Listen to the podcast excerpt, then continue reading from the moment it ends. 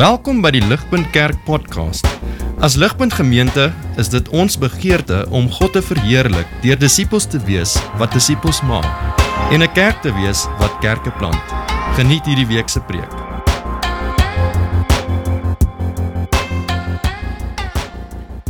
So is dit nie waar van ons dat ons weet van tye in ons geestelike lewe as Christene dat ons wandel met die Here regtig goed gaan hê. Miskien beleef ons 'n waarheid van God soos ons die Bybel lees en ons en ons word bemoedig. En ons sê wat 'n wonderlike God dien ons nie. Ons is dan op daai geestelike hoogte is dit nie. My verhouding tussen ek en die Here voel stewig. Hier is ek gewang geanker in geloof. Dis seker Asaf se gevoel. Die tempelsanger in die tyd van Dawid in Jerusalem. Toe hy die eerste vers van hierdie Psalm geskryf het. Hy sê Truly God is good to Israel to such as are pure in heart. Sy wandel met die Here gaan goed. Daarom kan hy die feit bely dat ja, God is goed vir Israel. God is goed vir sy mense. Maar julle wat doen ons wanneer ons God begin twyfel? wanneer ons in die versoeking val om God te bevraagteken. As die wêreld om ons nie sin maak nie, soos dit vir Asaf nie sin gemaak het nie. Wat doen ons dan? Hier is ons nou in 'n in 'n in 'n geestelike diepte. In vers 1 het Asaf bely dat ja, God is goed. Maar toe hy na die lewe kyk, toe hy na die realiteit om ons sien, het hy daardie stelling bevraagteken. Is dit so?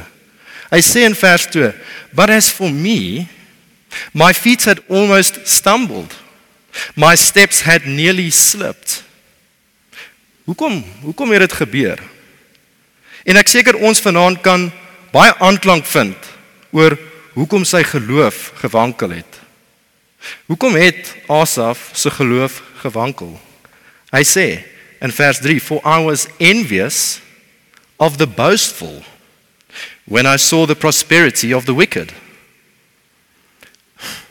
Wat maak ons hiermee? Kan ons kan ons daarmee stry? Is dit nie selfs meer duidelik vandag dat die wicked prosper nie? Die goddelose het hulle voorspoed in hierdie lewe nie. Daar's my kollega by die werk. Sy's sy's glad nie eerlik nie. Maar sy kry die beter pos. Sy kry die verhoging want sy lê aan by die baas. Hier hier is hierdie student wat geneig is om te cheat. En hy het gekil in sy finalejaarsprojek en hy kry die onderskeiding, maar ek doen nie. Hoekom hoekom kan ek dan nie volgende keer kil nie? Hierdie besigheidsmense, hulle hulle ontduik belasting. Daar sien ek hulle hulle het lekker vakansies. Hulle ry hulle SUVs, hulle Corolla Cross. Ehm um, hoe hoekom moet ek dan eerlik wees? Julle ons kan ander voorbeelde noem, maar die punt is duidelik. Daar is daar is wicked mense daar buite wat glad nie God erken nie. En en dit gaan baie goed met hulle materiële welsyn. Inteendeel hulle hulle prosper. Dis wat die teks vir ons sê, hulle prosper, hulle het voorspoed. Hoekom dan lyk dit asof God hulle seën? Maar vir ek as 'n gelowige wat die geregtigheid najaag. Hoekom is die lewe moeilik? God gee my nie wat ek om vra in gebed nie. God verbeter nie my omstandighede nie. Maar vir die wicked lyk dit hulle kry maar net alles. En dit nog ook sonder om daarvoor te vra. Hulle bid nie eers nie, hulle kry dit net. Dis hoekom net soos Asaf ons dan God betwyfel, is dit nie so nie. Julle ons teologie is miskien goed, maar die lewe laat ons twyfel. Waarmee is God besig? Hoekom hoekom lê ek in hierdie lewe? Waar is die geregtigheid? Where is justice? Ondien so hier is die groot vraag wat ons gaan antwoord wat die Psalm vir ons gaan antwoord. En dis die wat is die oplossing vir die Christen se twyfel wanneer hy versoek is om die voorspoed van die goddelose te begeer? Hoe beweeg die gelowige weg van twyfel in God na vertroue in hom toe wanneer hy die prosperity of the wicked begeer? Om daai vraag te antwoord, gaan ons na drie punte kyk in die Psalm. Naamlik my oog op die wêreld, my oog op God en laastens God se oog op my. So ons begin nou met ons eerste punt. My oog op die wêreld. Die Psalm skets vir ons eerste 'n prentjie wanneer ons oë, ons aandag gefestig is op die wêreld, wanneer ons die voorspoed van die goddeloses begeer. Kyk saam met na verse 4 tot 14. Kyk in julle asseblief in in in in julle Bybels. Ons gaan net oorsigtelik daarna kyk. Sien hoe Asaf die wicked beskryf. Hoe hy hulle envy in verse 4 tot 12 Duidelik die idee wat hy aan ons wil oordra is dat die goddelose hulle tog maar hulle tog maar 'n lekker lewe geniet. Hulle ly nie aan dieselfde kwale as gewone mense nie. Hulle hulle hulle hulle deel nie in dieselfde frustrasies nie. Dis vers 5. Hulle is trots. Hulle is gewelddadig, hulle skiem bose planne en hulle ervaar nie die gevolge vir hulle dade nie. Dis vers 6. Hulle hulle kry wat hulle wil hê. Niks hou hulle terug nie. Hulle is suksesvol, hulle is voorspoedig, vers 7. Hulle is gewild, hulle is populêr. Mense hang aan hulle lippe oor hulle aardse rykdom en sukses. Dis vers 10. Die wicked, hulle is onbesorg oor môre. Vir hulle is die lewe nou en die nou voel soos 'n ewigheid. Maar om die kersie op die koek te sit. Soos hierdie goddelose mense genot en oorvloed put uit hulle voorspoedige lewens, hulle sorgvrye lewens. Lyk dit of hulle selfs van God wegkom. Soos hulle hom laster, soos hulle hom blaspheme. Vers 9 en 11 sê hulle They set their mouths against the heavens. They say, How does God know? And is there knowledge in the Most High? So hier in opsomming is die goddelose. Hulle is altyd gemaklik en hulle rykdom en hulle mag dit vermenigvuldig. Dis vers 12. The wicked have it made it seems. Is dit nie duidelik dat die gelowige dit moeiliker het dan as die goddelose nie? Dis wat God openlik bespot. Hulle het meer geld, hulle het minder probleme as die gelowige. Hoe is dit dan dat God hierdie goddeloses toelaat om weg te kom met hulle wickedness? Lyk dit nie eerder asof God hulle seën nie? Dit lyk tog so. God God lyk my seën hulle. Die die politici van ons land byvoorbeeld. Ons ken hierdie. Dis net een bedrogspel na die ander.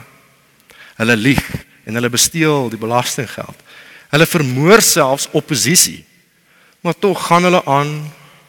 Hulle versamel meer rykdom. Hulle kry meer volgelinge, meer steun. Wat wat gaan daaraan? Hoe dink julle dat daai realiteit vir Asaf voel? Hoe laat dit hoe laat dit ons voel? As dit goed goed gaan met die goddelose en hulle streef nie eers na geregtigheid nie. Hulle wil niks met God te doen hê nie. Wat is die punt van 'n rein lewe vir die Here? Hoekom hoekom moet ek God dan gehoorsaam? Asaf sê in verse 13 en 14 Surely I have cleansed my heart in vain and washed my hands in innocence for all day long I have been plagued and chastened every morning Ek lewe die Christelike lewe Ek is lief vir die Here. Ek lees my Bybel. Ek bid. Ek probeer ontslaa raak van die sondes in my lewe. Ek probeer doodgaan vir vir dit en lewend word vir Christus. Maar daar kom net een moeilikheid na die ander. Ek verloor my ou vriende. Daar's familie van my wat my verwerp want ek's nou 'n Christen. Ek's nie oneerlik by die werk om my baas te bevoordeel nie. Maar ek kry nie die bevordering nie. Dit kos my regtig baie om 'n Christen te wees. En wat kry ek daaruit? God tug my die heeltyd. Die heeltyd tug hy my. Die wêreld se lewe is aanloklik. En dit hou nie net my maag dikker nie, maar my beursie ook. Moet moet moet ek nie dan maar teruggaan nie? Logies, dit maak net meer sin om terug te gaan na die wêreld se ou dinge. Om terug te gaan na daai wêreld toe nie. Wat is die punt van heiligmaking, van van sanctification? As die goddeloses voorspoedig is in die hier en nou. Julle besef nou net ook Dis nou ook waar die duiwel kom.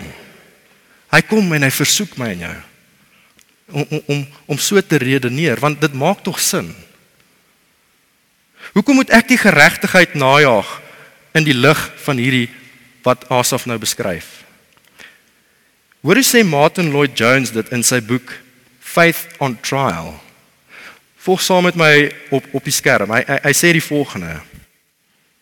Dis baie goed. Hy sê the devil says you seem to be spending your time in self-denial and prayers. There there is something wrong with this outlook of yours. You believe the gospel. But look what is what is happening to you. Why are you having this hard time? Why is a God of love dealing with you so? Is that the Christian life you're advocating? My friend, he says, you are making a mistake. You are doing yourself grievous damage and harm. You are not fair to yourself. sien julle hoe hierdie oë is op die wêreld? Hier is Asaf in ons hartsvraag. Hoekom jaag ek die geregtigheid na as ek so streng behandel word? As die wicked smooth sailing het in die lewe. Hoe kan ek sê God is goed en ek beleef swaar kry? Die goddelose, hulle laster God en hulle het 'n gemaklike ryk lewe. Wat is ons antwoord daarop? Hoe benader ons die twyfel? Hierdie worsteling van geloof wat ons tans beleef. En dit gaan ons nou bring na ons tweede punt. So in ons eerste punt het ons gesien Asaf en ons ons oë is op die wêreld. En ons sien wat se uitwerking dit op ons geloof het. Hoe beweeg ons dan nou weg van die begeerte vir die goddelose lewe en twyfel in God se goedheid? Hoe beweeg ons daarvan weg na versterking in ons geloof in God. Ons tweede punt gaan juist daar antwoord vir ons gee. En dis verse 15 tot 22. My oog op God. My oog gerig op die Here. So hier is die vraag. Hoe het Asaf op die regte pad gekom? Hoe het sy oë gedraai van alles van die wêreld waar alles aanfair lyk na God wat hom totaal en al getransformeer het. Verse 16 tot 17 gee ons die antwoord. Volg saam met my, dit sal op die skerm kom dit. Dis 'n regte sterk stelling. Hy sê when I thought how to understand this, the prosperity of the wicked, it was too painful for me until until I went to the sanctuary of God. Then I understood the end. Wat het hierdie man se oë gedraai? Vers 17 gee vir ons die draaipunt. Jy het die woord opgetel nê. Until totdat hy in die heiligdom van God ingegaan het, die sanctuary of God sien julle, hier is Asaf ongelukkig, diep en erg ontsteld. Hy's in 'n geestelike put. Maar toe hy by die heiligdom kom, die tempel, het alles vir hom duidelik geword. Asaf het perspektief gekry. Hy het perspektief gekry. So hier is die interessante ding, julle, wat het Asaf, wat het Asaf gesien? Wat het hy waargeneem by die tempel? Iets oor God. Hy het iets gesien oor God self. Soos hy die ingang van die tempel binne beweeg, sien hy hoe die priesters diere offer. Onthou julle, hierdie is die Ou Testament. Die tempel is nog bestaande. Verbeel julle net vir 'n oomblik diere wat geslag word voor die altaar, bloed wat uitgegiet word. Hierdie bloed vloei die hele vloer vol. Die as van die vuur. 'n Sterk reuk van die hele gedoente. Julle die altaar waar diere geoffer is, het heen gewys dat sonde ongehoorsaamheid teenoor God dit lei na vernietiging. En dat die enigste uitweg daarvan is is om 'n plaasvervanger, dis 'n substitute, te kry wat in wat in my plek gaan staan. sien ons saam wat Asaf vergeet het. Wat het Asaf vergeet? En dis waaraan hy herinner is. Hy's herinner dat God 'n heilige God is en dat hy nie sondaars ongestraf laat bly nie. Julle hoor hierdie.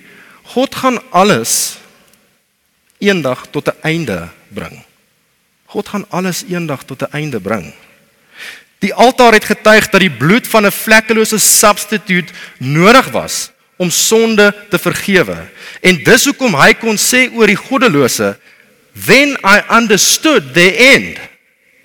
Want die wicked, die goddelose het geen vergifnis, geen substituut waarop hulle kan aanspraak hê in die dag van oordeel. Hoekom nie? Want die goddelose minag God. Hy reken hom nie as waardig nie. Hy wil niks met hom te doen hê nie. Hy vind sy sekuriteit in sy aardse rykdom, sy status, sy aanhangers. In die hier en die nou. Onthou vers 9 wat sê hulle? Die wicked. The wicked set their mouth against the heavens. Hulle laster God. Julle wat Asaf gesien het, is wat God wil hê ons vanaand moet sien. Dat die loon van die sonde die dood is. The wages of sin is death. Daar is 'n einde. Daar is 'n einde aan die lewe. Dis wat Asa vergeet het in verse 1 tot 14. En dis wat ons ook vergeet en dis hierdie dat die teenswoordige lewe nie die be all and end all is nie. Daar kom 'n einde aan alles. En daar is 'n God wat geregtig is, wat wat gaan oordeel. Dis Asaf se nuwe perspektief. 'n God wat oordeel en daar kom 'n einde.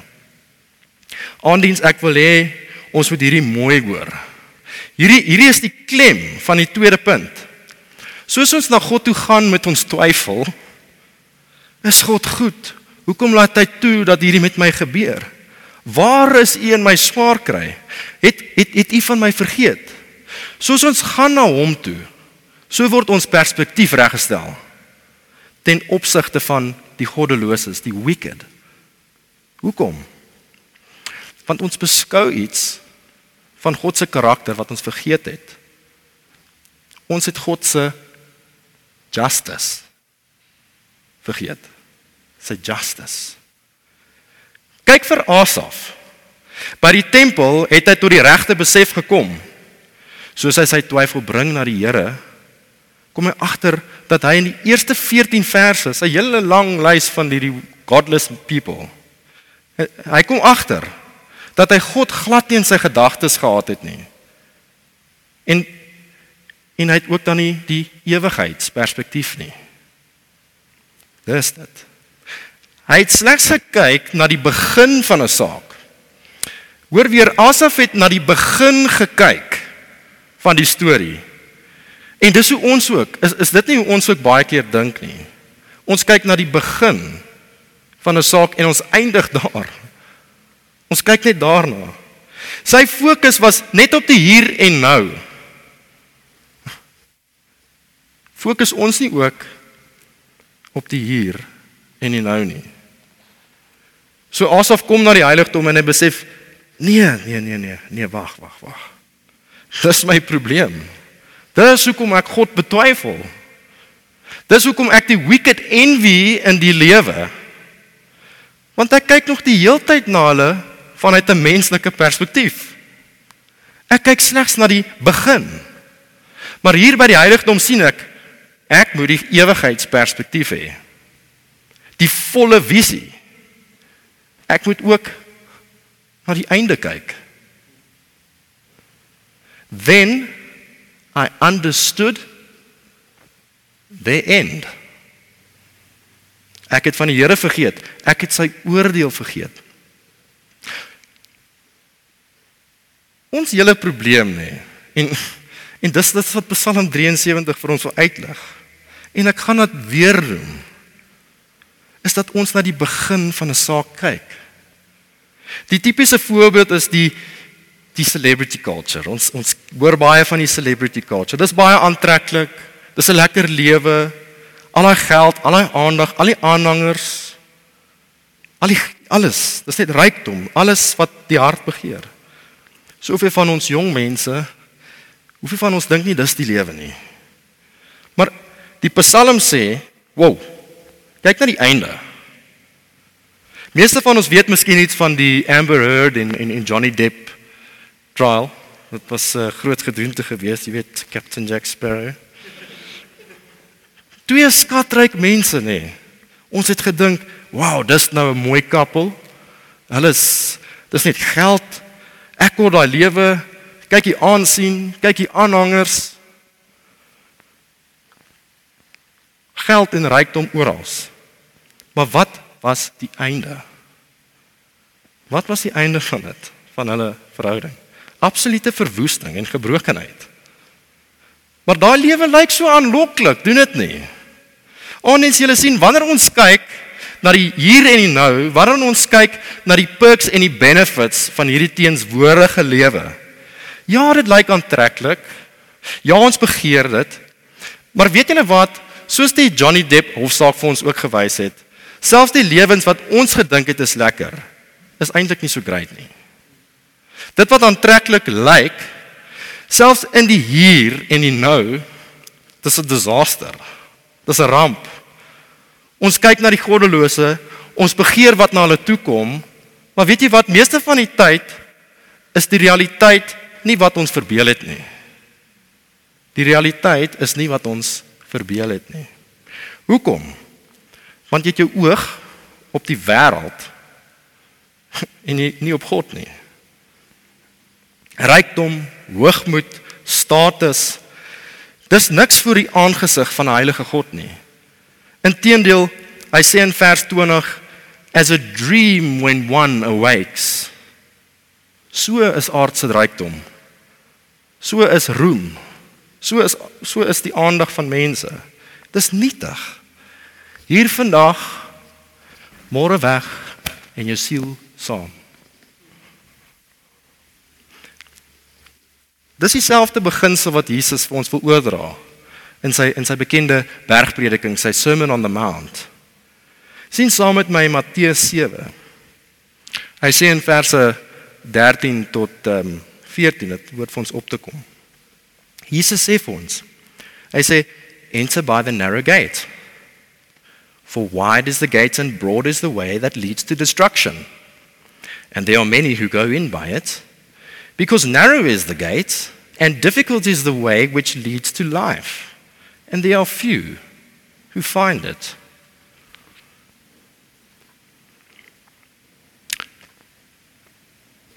sien julle wat Christus hier sê? Kyk na die breë pad. Kyk na Broadway. sien hoe wonderlik dit is. Jy kan saam met die skare gaan. Jy kan doen wat almal van hierdie wêreld doen. Geld, status, rykdom, seksuele losbandigheid, al daai goed najag, oneerlik wees by die werk, in my swattings cheat, jok oor my inkomste, soos 'n celebrity leef. Dis al te lekker, nê? Nee.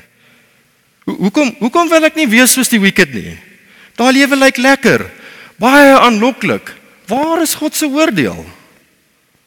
Maar kyk hierdie nou pad. The narrow way. Een op 'n slag. 'n Persoonlike besluit. Doodgaan vir self. 'n Kruis wat gedra moet word vir 'n man van Nasaret. Bereid om die bespotting van die wêreld te wees. Wie in regte koppe wil so besluit neem? Wie wie wil daai pad kies? En sulke reding se redenering is omdat ons kyk slegs na die begin en nie die einde nie. Wat is die einde? Die einde van die een is verwoesting, vernietiging en die einde van die ander een is lewe. For wide is the gate and broad is the way that leads to destruction. But narrow is the gate and difficult is the way that leads to life. Aandiens julle sien dan, wanneer ek op my oog op God hou, begeer ek nie die breë pad nie. Want ek sien die einde daarvan. Maar wanneer my oog op God is, dan smag ek na die nou pad, the narrow road. En ek sien dis die moeite werd. Al is dit moeilik, want die einde daarvan is die ewige lewe. Julle so kom ons raak ons sla van hierdie valse idee dat die lewe vir die Christen in hierdie lewe maanskyn en rose gaan wees. Jesus Christus het dit vir ons nêrens beloof nie. Inteendeel, hy het gesê dit gaan moeilik wees. Maar dis wat ons moet onthou. En dis die eindpunt. Onthou waartoe die narrow road lei. Om dit te beklemtoon, Jesus sê verder in Markus 10. Lees saam met my, dit dit gaan vir ons opkom. Hy sê in verse 29 en 30. Hy sê, "Assuredly I say to you, there is no one who has left all for my sake and the gospel's who shall not receive a hundredfold now this time." Houses and brothers and sisters and mothers and children and lands. With persecutions moenie dit vergeet nie. Maar hier is die ding and in the age to come eternal life. Dis die eindpunt van die narrow road die ewige lewe. Sien nou sien nou asof se hele uitkyk oor die goddelose verander het toe hy die sanctuary ingegaan het Hier was hy, hy kyk eers na die wicked. Hy begeer hulle. Sy oë was op die wêreld. Maar soos hy sy oog draai na God toe, begin hy al hoe meer die einde besef. Hy sien die gebrokenheid. Hy sien die leegheid van alles. Hy sien God gaan die wicked oordeel vir hulle sondige dade. En so draai sy fokus weg van hier en nou en is daar op die daar en dan. Van hier en nou to the then and there. En die volgende vraag is wat het Asaf besef? Wat het daai besef aan hom gedoen? Hoe hoe hoe, hoe het hy gereageer daarop? Soos sy perspektief reggestel is het hy diep hy diep berou oor sy sonde. Dat dat sy uitkyk so verkeerd was dat hy God se karakter bevraagteken het. Hy bekeer. Hy bekeer van sy sonde. sien saam met vers 22. Hy sê I was so foolish and ignorant. I was like a beast before you. Ondiens. Ondiens hoor mooi. Wanneer ons in twyfel lewe oor God, bekeer daarvan want ons kyk met valse oë na God se karakter. Dis iets wat nie waar is nie.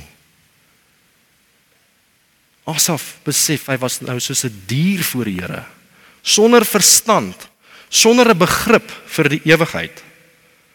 Maar maar hy kom tot inkeer. Sien ons dieselfde raak soos hy? sien sien ons die nietigheid van aardse sukses en om op die goddeloses jaloers te wees? Besef ons die die die lewe vir die gelowige dis juis nie bedoel vir gemak nie. Maar om ons nood, ons afhanklikheid in die Here te sien. Is ons harte getref dat dat ons so God se goedheid getwyfel het. Het ons berou daaroor? Want ons dink iets van God wat nie waar is nie. Kan ons kan ons saam saam Asaf sê I was so foolish. I was so ignorant. I was like a beast before you. Sien julle eintlik ook hoe arrogant is ons wanneer ons na die wicked kyk en begeer en net fokus wat voor ons is Want ons fokus die hele tyd net op onsself, ons probleme, arme ek. God behandel my verkeerd. Maar soos ons oë gefestig is op die Here, so beweeg ons weg van die envy of the wicked en twyfel in God na 'n versterking in ons geloof. Ons kry daai versterking. En dit was ons tweede punt. Ons oog op God. Ons sien nou die einde soos ons oë draai op die Here. Maar nou kom ons na ons laaste punt. En dis verse 23 tot 28. God se oog op jou. Die Here se oog op sy kinders. Soos ons oog gefestig is op die Here, sien ons eintlik sy oog was nog die heeltyd op jou. Al het jy dit nie besef nie sien Asaf se woorde in verse 23 tot 24. Alhoewel hy God en sy goedheid betwyfel het, soos hy gestel het van sy geloofskrisis, besef hy nevertheless nevertheless you hold me by my right hand you will guide me with your counsel Want dan sien ons wat hy agtergekom het. sien ons dit? God was nog altyd met hom. Al het hy dit nie besef nie. Selfs selfs deur sy swaar kry, selfs deur sy geloofskrisis, sy twyfel in God, daai hele fiasco, al daai tyd van vers 1 al die pad tot vers 28 dra God hom nog die heeltyd aan sy regterhand. Al was sy oog nie op die Here nie. Hy hou hom. Hy hou hom aan die hand. Dit was al die tyd God se genade wat hom sanctuary toe gebring het om tot die besef te kom dat sy perspektief al die tyd verkeerd was. Wat beteken dit vir my en vir jou? dat al gaan ek en jy deur donker dieptes al al, al sien ek nie die Here nie al al wankel my geloof die Here die Here hou jou vas hy hou jou vas hoekom hoekom hoekom hou hy jou vas want want jy is sy kind Al was dit pyn vir Asaf. Sy geloofskrisis het hom gedryf na die Here toe. En hy en hy het sy sonde bely dat hy so foolish and ignorant was, dat hy soos 'n beest was toe hy God se goedheid bevraagteken. God het hom nie verwerp vir sy ongeloof nie. Hy was nog steeds in sy teenwoordigheid. He was still in his presence. Sien sien ons raak God se genade. sien jy sy oog was op hom en hy's op jou. God het nie toegelaat dat hierdie Asaf in sy geloofskrisis bly nie. Selfs al het Asaf God getwyfel. Selfs al het Asaf gesondig. Niks het God verplig om hom uit die put te haal nie. Niks verplig God om ons uit die put te haal nie, maar hy doen dit. Hy het dit vir Asaf gedoen. Hy doen dit met ons. God het hom nie uitgeskop nie. En hy sal nie een van ons wegstoot as ons gaan met ons sondes na hom toe nie. Jesus sê mos, whosoever comes to me, I will in no wise cast out. God wil jou vergewe. Hy hy hy wil jou vreugde herstel as jy na hom toe gaan. Julle, hoekom? Hoekom hoekom is God so genadig met ons? Dis eintlik wat ons in hierdie Psalm moet besef. Hierdie gaan nie eintlik oor die prosperity of the wicked nie. Maar hoekom is God so genadig met ons dat hy ons herstel op die regte pad? Ons verdien nie dit nie. Hoekom? Hoor, hoor hoe sê Martin Lloyd Jones dit weer eens. Hy sê dit so goed. Volg saam met my. Hy sê: Do you see it? Do you see it? God had not blotted him and us out, though he had been so foolish in his presence. Why? We are in the presence of God, and we are there for one reason only namely, that with God there is mercy, that he may be feared. We are in his presence because God's name is love. Consider what Asaph and we had been doing, doubting God and envying the wicked. Con- consider his whole attitude and ours in the presence of God. How could God forgive that? Why did God forgive? Why did he forgive? Julle, hoekom het God vergewe? En ons hoor hierdie boodskap veral in ons kerkgemeenskappe oor en oor tot die punt dat dit stomp raak, maar ek bid asseblief, hoor hierdie. Hoor hoor hierdie met nuwe ore. Hoekom het God vergewe? Want hy het sy enige gebore seun Jesus Christus gestuur om ons ons plek te staan vir sonde sodat elkeen wat in hom glo nie verlore gaan nie maar dat ons die ewige lewe kan hê die einde. Dis hoekom God ons kan vergewe. Besef dit. Want Jesus het ons kinders gemaak van die Vader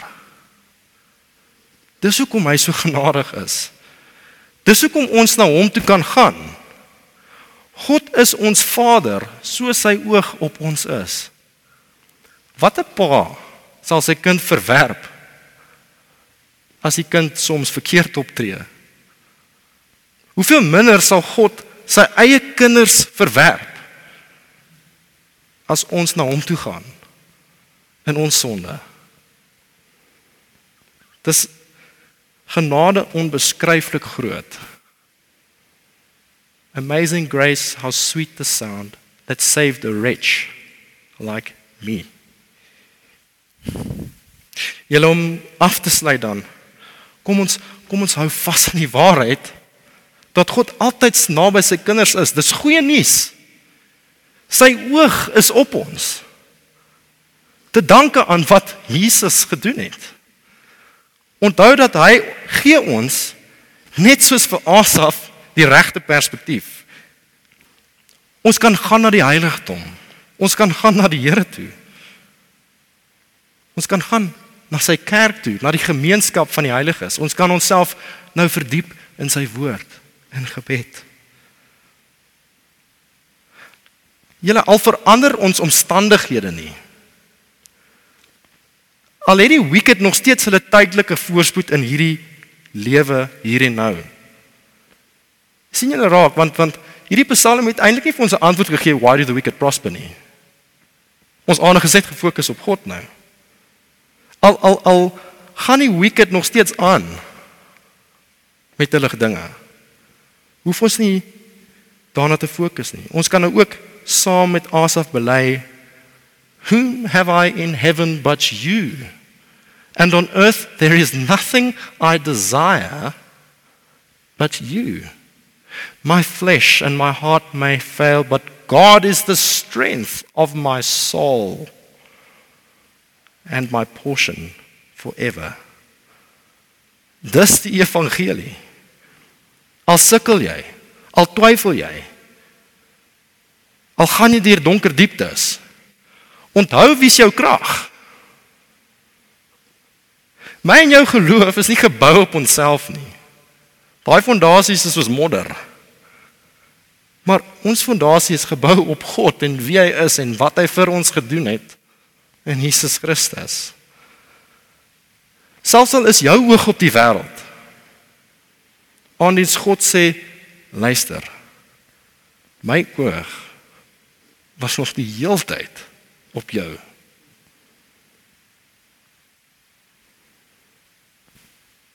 Toe Asaf sy rug draai op God, het hy gesien daar's niks wat tevredenheid in hierdie lewe bring nie. Honger en dors ons na hierdie God. There is nothing upon earth selfs in die hier en die nou. There's nothing upon earth I desire besides you. Hoop ons om eendag soos Asaf om die aangesig van God te sien, to see God as he is. Is is God genoeg? Julle is God genoeg in hierdie lewe. Al val my lewe uitmekaar. Al eindig dit nie op waar ek dink dit hoort nie. Is God nog steeds genoeg? Is Jesus nog steeds genoeg? Is die bloed van Christus nog steeds genoeg? Is die crown of righteousness wat hy ons beloof nog steeds genoeg. Julle al voel dat God is nie altyd daar nie, al fail jou flesh en jou hart. Is God steeds genoeg? Of gaan jy jou oog op die wêreld hou? Op die fleeting, die nietigheid. Asof sê But for me, it is good to be near God. Kom ons smag na die Here vandag. Al fail my flesh and my heart, weet ek God gaan my nie verlaat nie. Hy is my erfporsie en ek is sy kind. Ek is in sy vaderhuis. Nie die goddelose lewe wat verbygaan is my hoop nie. Die Here se oog is altyd op sy kind. Al is jou oog nie altyd op hom nie. Amen. Kom ons bid saam. Almagtige Here, Here ons kom na U toe en ons vra U dat hierdie woord wat gepreek is in ons harte sal ingeets wees, Here. Ehm um, Here, ons oog is so baie keer op die dinge van hierdie wêreld en selfs as Christene word ons versoek, Here, om te smag na Here die dinge wat eintlik niks werd is nie, Here, want ons vergeet iets van die evangelie. Ons vergeet iets van u heilige karakter, Here. In u is ons veilig, u is ons erfpos, Here, maar so baie keer vergeet ons dit en ons aandag word weg van u. Maar Here, soos ons vanaand sien, dis nie ons krag wat ons terugbring op die nou pad nie. Dis u wat ons nog altyd op ons regterhand aan ons regterhand vasgehou het. Here, mag ons weet en bely dat Jesus Christus ons veilig hou. Die Vader hou ons veilig en niks en niemand kan ons uit u hand ruk nie want u sê dit en u woord is waarheid. Here mag hierdie woord ons verander hierdie week in en soos ons ons lewe aangaan. Here dat though my flesh and my heart fail my the Lord is my portion. He is my strength forever. Here vergewe ons dat ons enigsins Here u twyfel Here, dink dat U onregverdig met ons optree. Maar Here, vergeef ons daarvan. Uh, mag ons ons sondes bely aan U Here. Geef ons nederigheid. Here, want nederigheid bring ons na die Vader toe. Arrogansie maak ons soos die wicked dat ons in ons eie krag voor is. Ons bid dit in U naam. Amen.